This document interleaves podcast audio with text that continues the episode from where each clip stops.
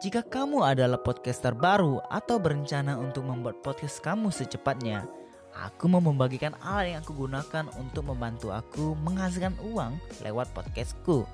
Namanya Podmetrics.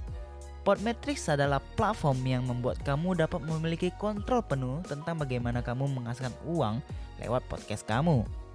Kamu dapat melakukan kolaborasi dengan brand dan memilih banyak produk atau jasa yang cocok dengan pendengar kamu. Platform ini juga memberikan kamu tips dan contoh tentang bagaimana untuk membuat iklan secara tepat untuk mendapatkan penghasilan yang maksimum. Ditambah lagi, kamu juga dapat melihat beberapa banyak pendengar kamu dan dapat menghitung berapa penghasilan kamu. Dapatkan uang kamu juga sangat mudah tentunya. Jadi kalau kamu seorang podcaster, pastikan kamu mendaftar dengan link tautan di deskripsi box di dalam episode ini dan gunakan kode referral saya jadi yuk, kamu juga dapat menghasilkan uang dari podcast kamu.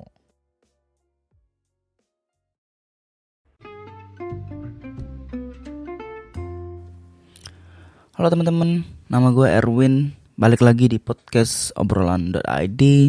Buat teman-teman yang masih yang baru di podcast ini, yang baru tiba, selamat datang.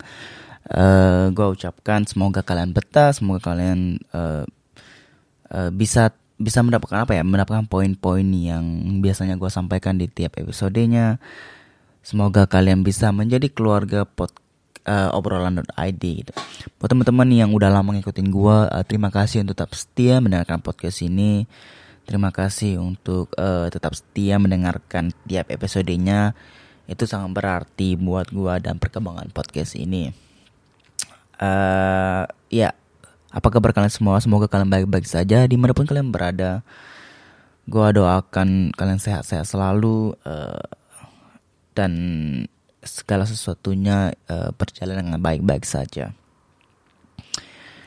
Well, uh, gua baru nyelesain anime. Mungkin episode ini bakal terdengar apa ya? cringe, uh, klise klise ya? Klise kalau nggak? Ya begitulah. Ya sebenarnya fine fine aja gitu. Kayak gue juga pernah bilang kalau dengan adanya podcast ini ya gue bakal banyak ngobrol tentang hidup uh, pekerjaan friends friendship uh, dan tidak terkecuali relationship segala macam kan. Tapi mungkin uh, ini bakal jadi episode ke berapa ya? 9. Kayaknya ini bakal jadi episode ke-70 deh kalau nggak salah. Nah, dari dari awal sampai dari episode awal sampai episode 70 kayaknya gua uh, ja, jarang atau bah ya ada lah mungkin sedikit gitu ngebahas tentang soal uh, relationship, love, percintaan gitu kan. Uh, cuman tidak banyak atau ti tidak banyak atau bahkan tidak jarang sekali gue singgung soal percintaan gue um, karena menurut gue pribadi adalah tidak ada hal yang yang menarik untuk di untuk ngulik gitu loh untuk di di apa ya bukannya gue nggak mau kasih tahu juga sih cuman kayak memang nggak ada hal yang menarik gitu untuk didengarkan untuk dikulik gitu. But then uh, setelah gue menonton satu anime ini. Anime ini uh, bertema tentang uh, relationship juga sih kayak tentang apa love story gitu. Nah jadi sebenarnya ya kenapa gue jarang jarang untuk ngebahas soal percintaan gue di episode di podcast ini selama 70 episode terakhir adalah karena ya karena gue sekarang sendiri aja masih single gitu kan dan terakhir kalinya gue ada dalam satu hubungan relationship itu adalah mungkin enam tahun yang lalu gitu.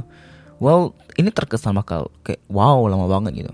Tapi gini, beberapa tahun pertama setelah akhirnya gue menyelesaikan relationship terakhir gue, uh, mungkin mungkin gini ya, mungkin itu yang terjadi sama beberapa laki-laki, para cowok atau mungkin enggak lah mungkin enggak juga kalian bisa koreksi if I'm wrong gitu loh.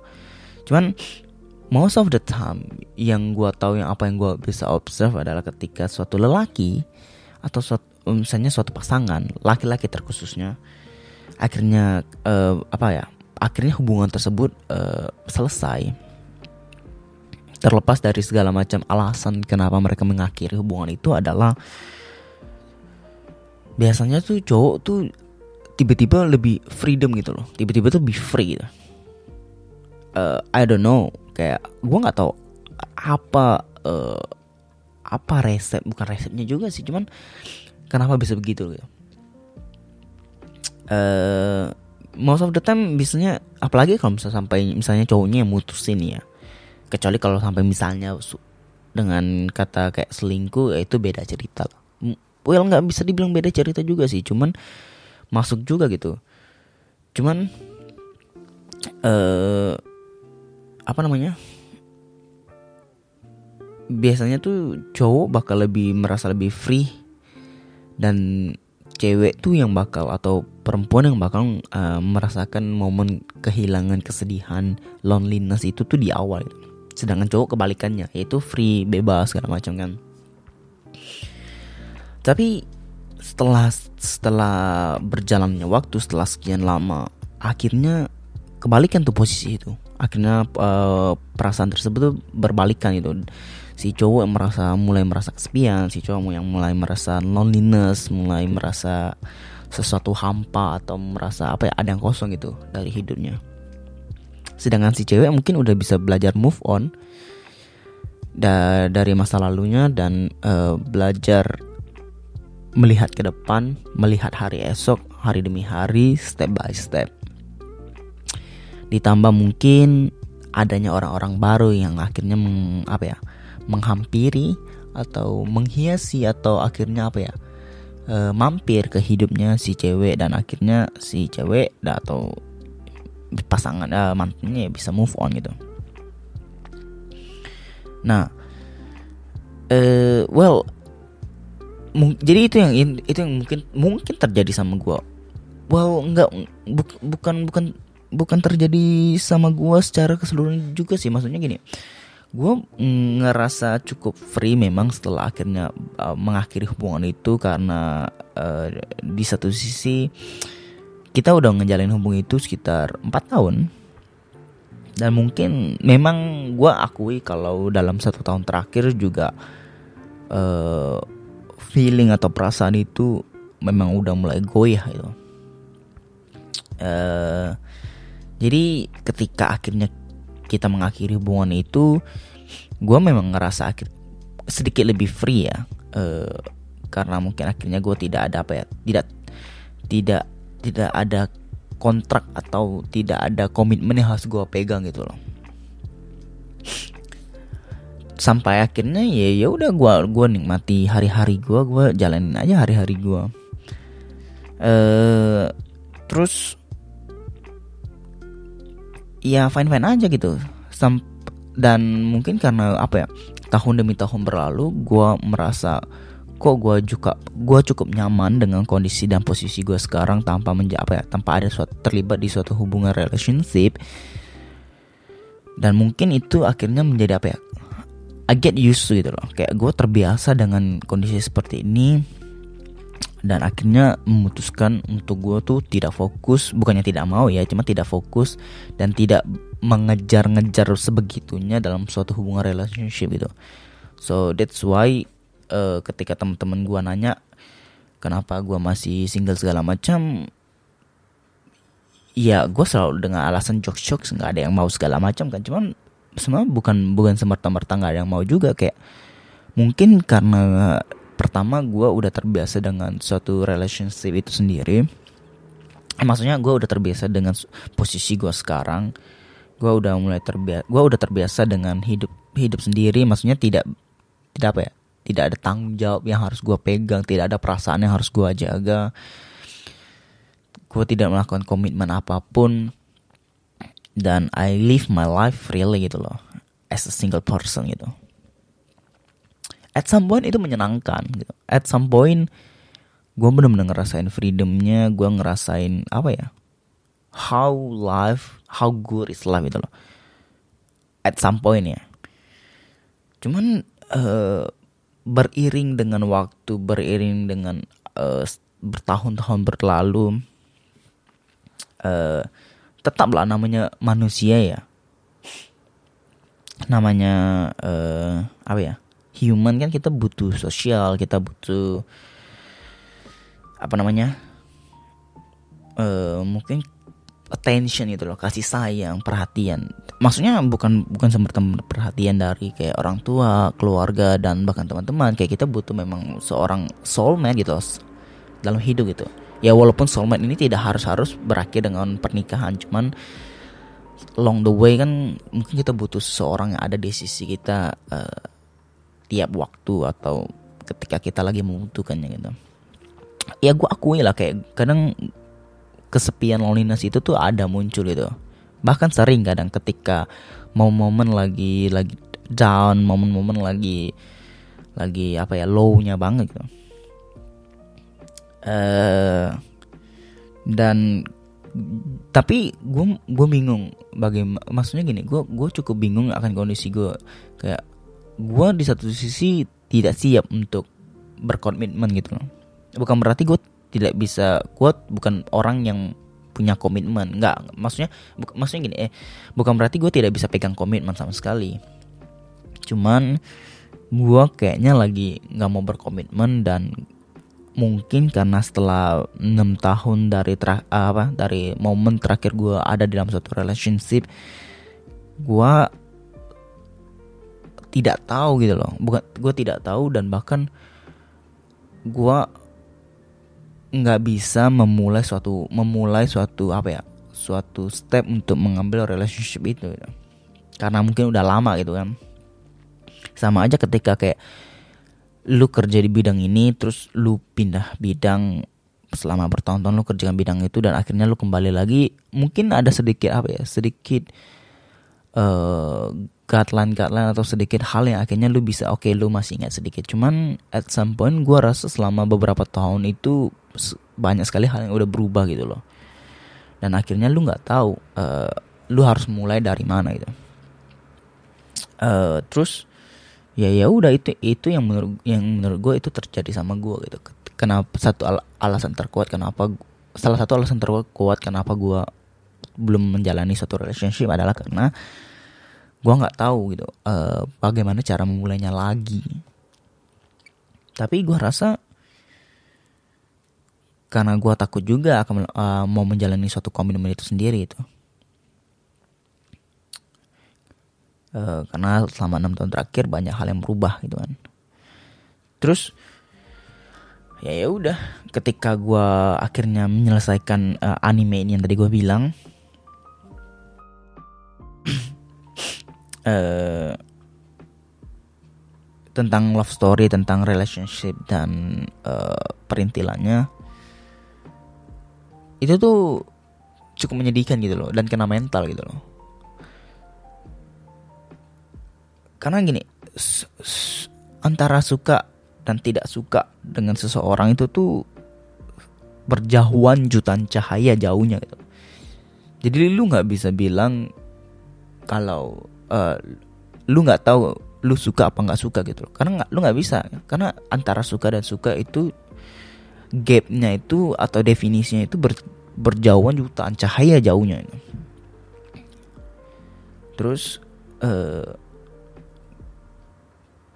pas gue nonton gue tiba-tiba ada ada pesan yang disampaikan oleh anime itu kalau di di seri itu eh di ya di seri itu adalah ketika kita menyukai seseorang ketika kita apa ya mempunyai perasaan atau apa pun itu sampaikan.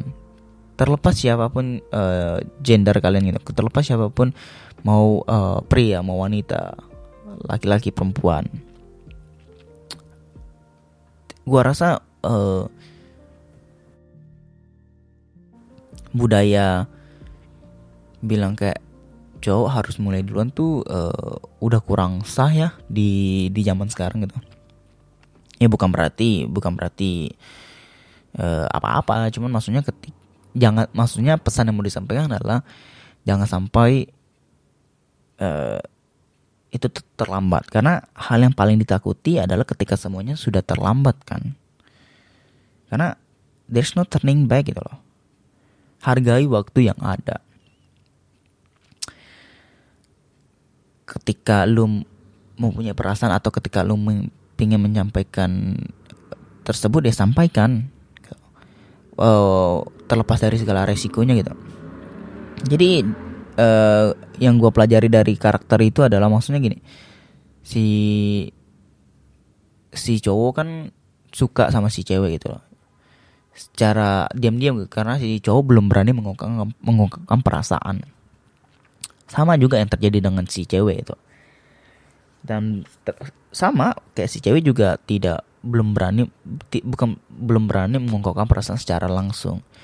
Dan si cewek itu ada penyakit itu dan sebenarnya waktunya juga udah nggak lama ya. Mereka mungkin saling menyimpan perasaan tapi menunjuk menunjukkan juga kalau rasa peduli dan kayak apa ya kayak tahu kalau saling suka gitu. Dan akhirnya uh, singkat cerita si cewek meninggal gitu kan. Terus uh, si cewek nulis surat buat si cowok tentang segala semua perasaan yang selama ini dia simpan semua cerita-cerita itu gitu.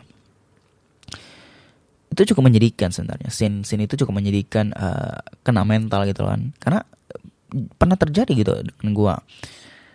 Kayak ketika gua suka sama seseorang tapi gue tidak ber, gue cukup apa ya, gue pengecut, gue cukup apa ya, gue cukup ciut uh, untuk mengungkapkan perasaan itu dan akhirnya uh, memori atau bahkan kenangan uh, wak, memori atau bahkan apa ya momen dimakan oleh waktu dan akhirnya menjadi suatu penyesalan ya, di ujung di ujung waktu itu. Karena yang yang tadi gue bilang hal yang paling ditakuti adalah ketika semuanya sudah terlambat dan there's no turning back.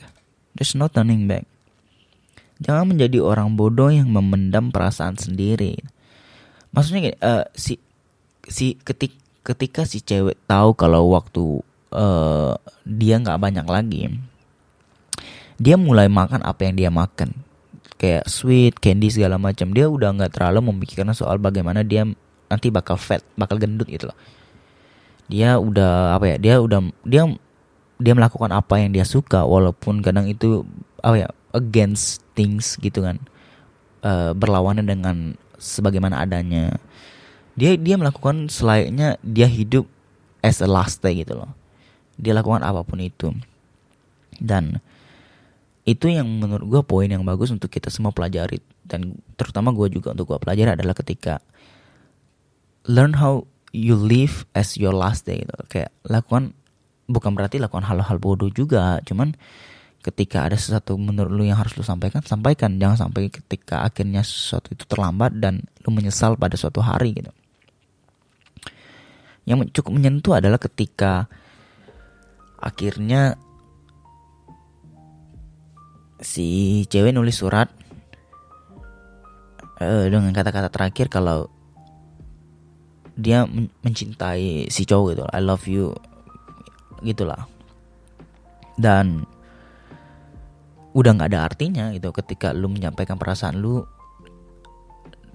dan lu udah nggak ada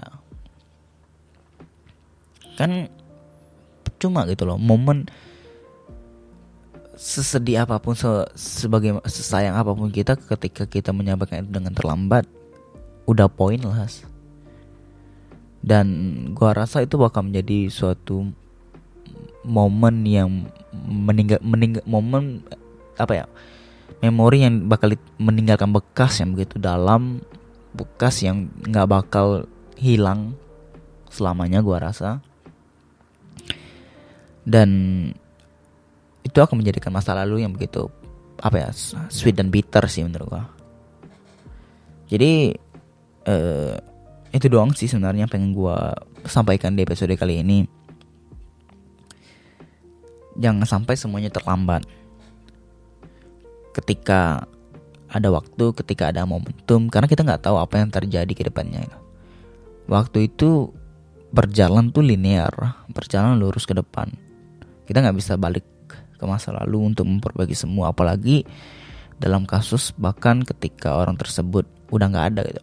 Well ini ini tidak tidak tidak semata-mata hanya untuk apa ya relationship secara pasangan gitu kan. Bahkan ke keluarga bahkan ke teman-teman segala macam ke orang-orang yang lu sayangin. Hargai waktu yang ada. Eh apa ya jalani momen as a present gitu loh. So gua rasa uh, itu doang buat episode kali ini.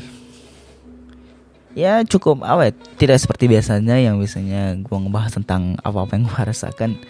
Well ini cukup gua rasakan sih secara as a, as a personal gitu loh. As a personal who seeks for attention who seeks for relationship who seeks for love gitu loh. Tapi semoga kalian bisa mendapatkan uh, poin-poin yang tadi disampaikan. Ingat kalau suka dan tidak suka itu berjauhan jutaan cahaya jauhnya. Dan hal yang paling kita takuti adalah ketika semuanya udah terlambat. So there's no turning back. Do now as you should do. Gua rasa ketika lu akhirnya bisa menyampaikan itu semua uh, pada waktu yang tepat lu bakal ngerasa lega pada akhirnya sih. Hargai waktu yang ada dan jangan menjadi orang bodoh yang memendam perasaan sendiri. Itu doang buat episode kali ini. Terima kasih buat teman-teman yang udah mendengarkan podcast ini episode ini sampai detik ini. Jangan lupa follow kita di Spotify jangan lupa subscribe kita di Apple Podcast uh, bisa silakan cek Instagram kita di @obrolanid jangan lupa di follow buat teman-teman yang mau cerita bisa kirim ke DM atau ke email at podcast obrolan.id at id at gmail.com sampai ketemu di video sampai ketemu di episode selanjutnya. Bye